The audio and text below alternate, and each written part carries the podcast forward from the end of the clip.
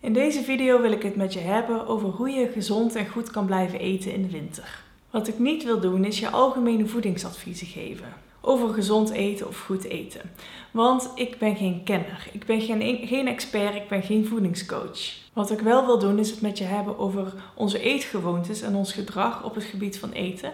Wat kan veranderen van de zomer naar de winter. Want een symptoom van een winterdip of een winterdepressie kan zijn dat je meer behoefte hebt aan eten in de winter. En er zijn wetenschappers die zeggen dat het ook evolutionair bepaald is. Uit een tijd dat er uh, in de winter best wel weinig voedsel was, dan hebben we het dus nodig om een soort van wintervoorraad aan te leggen. Maar daar is ook niet iedereen het over eens. Een andere theorie is, is dat als het koud is, dat je lichaam dan meer energie nodig heeft om je lichaamstemperatuur op peil te houden. Dus je hebt dan ook meer eten nodig en je hebt ook meer behoefte aan eten.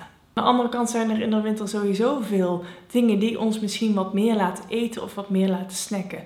Denk bijvoorbeeld aan verveling, meer binnen zijn en de feestdagen. Er zijn natuurlijk veel verleidingen rondom de feestdagen. Als jij vindt dat je in de winter minder goed of minder gezond eet of te veel eet, dan is het goed om je eens bewust te zijn van de verandering die je van de zomer naar de winter maakt. En bewustzijn is eigenlijk al een goede eerste stap. Wat ik heel erg een goede tip vind en wat ik zelf ook heel erg probeer te doen, is eten met seizoen. Echt eten met de groenten die er van nature eh, lokaal in de winter te vinden zijn. Dan kan je bijvoorbeeld denken aan rode biet, prei, boerenkool, andere soorten kool, koolraap en radijs. En het kan heel erg leuk zijn om gerechten rondom die groenten te bedenken, omdat we die vaak ook niet meer echt in ons uh, palet hebben, in ons uh, kookpalet hebben. En het kan je ook creatiever maken om eens op zo'n wintergroente te focussen. En denk ook eens aan bepaalde specerijen of voeding die uh, ook een innerlijk gevoel van warmte met zich mee kunnen brengen. Bijvoorbeeld peper, kaneel, gember enzovoort. Als je merkt dat je minder gezond gaat eten in de winter,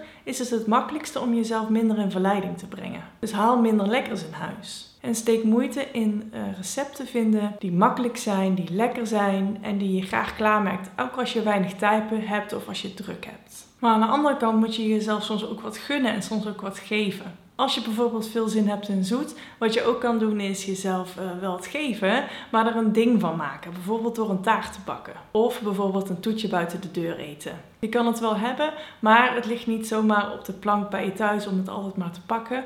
Dus je moet er ook wat voor doen. Terwijl voor maaltijden waar je minder energie voor hebt of minder tijd voor hebt, bijvoorbeeld eh, in de avond of als tussendoortje, dan is het juist belangrijk om een aantal recepten of in ieder geval wat voeding uh, klaar te hebben liggen die jou gezonde en makkelijke opties geven. Als je in de zomer graag snoeptomaatje eet bijvoorbeeld tussendoor, dan kan het goed zijn om daar een winters alternatief voor te bedenken.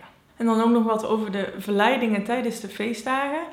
Als je er echt op gaat letten, dan is het echt niet normaal meer hoeveel verleiding en hoeveel we eigenlijk ook worden verleid om veel te eten, om heel veel te koken, om veel chocola te eten, met Sinterklaas bijvoorbeeld. En het kan soms wel wat kracht vergen om daar niet te veel aan toe te geven.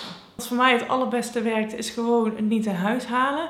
En als ik bij andere mensen, met andere mensen samen ben, is om er enigszins op te letten. En je kan bijvoorbeeld ook om een kleiner bord vragen, om een soort van portion control te doen. En dan bedoel ik niet eens zozeer dat je dat moet doen om niet aan te komen of af te vallen, maar meer dat je jezelf helpt om niet te veel dat hele volle gevoel en dat hele slome gevoel wat je daarvan krijgt, om dat niet te veel te hebben. Ik zal hier onder de video nog een uh, link zetten naar een artikel wat ik zelf ook heel erg nuttig vond. Het gaat over de verschillende soorten honger en hoe je dat ook kan gebruiken om meer gezond en meer mindful te eten.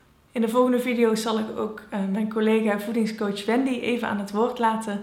En die zal ook nog wat meer vertellen over gezond eten, ook tijdens de winter.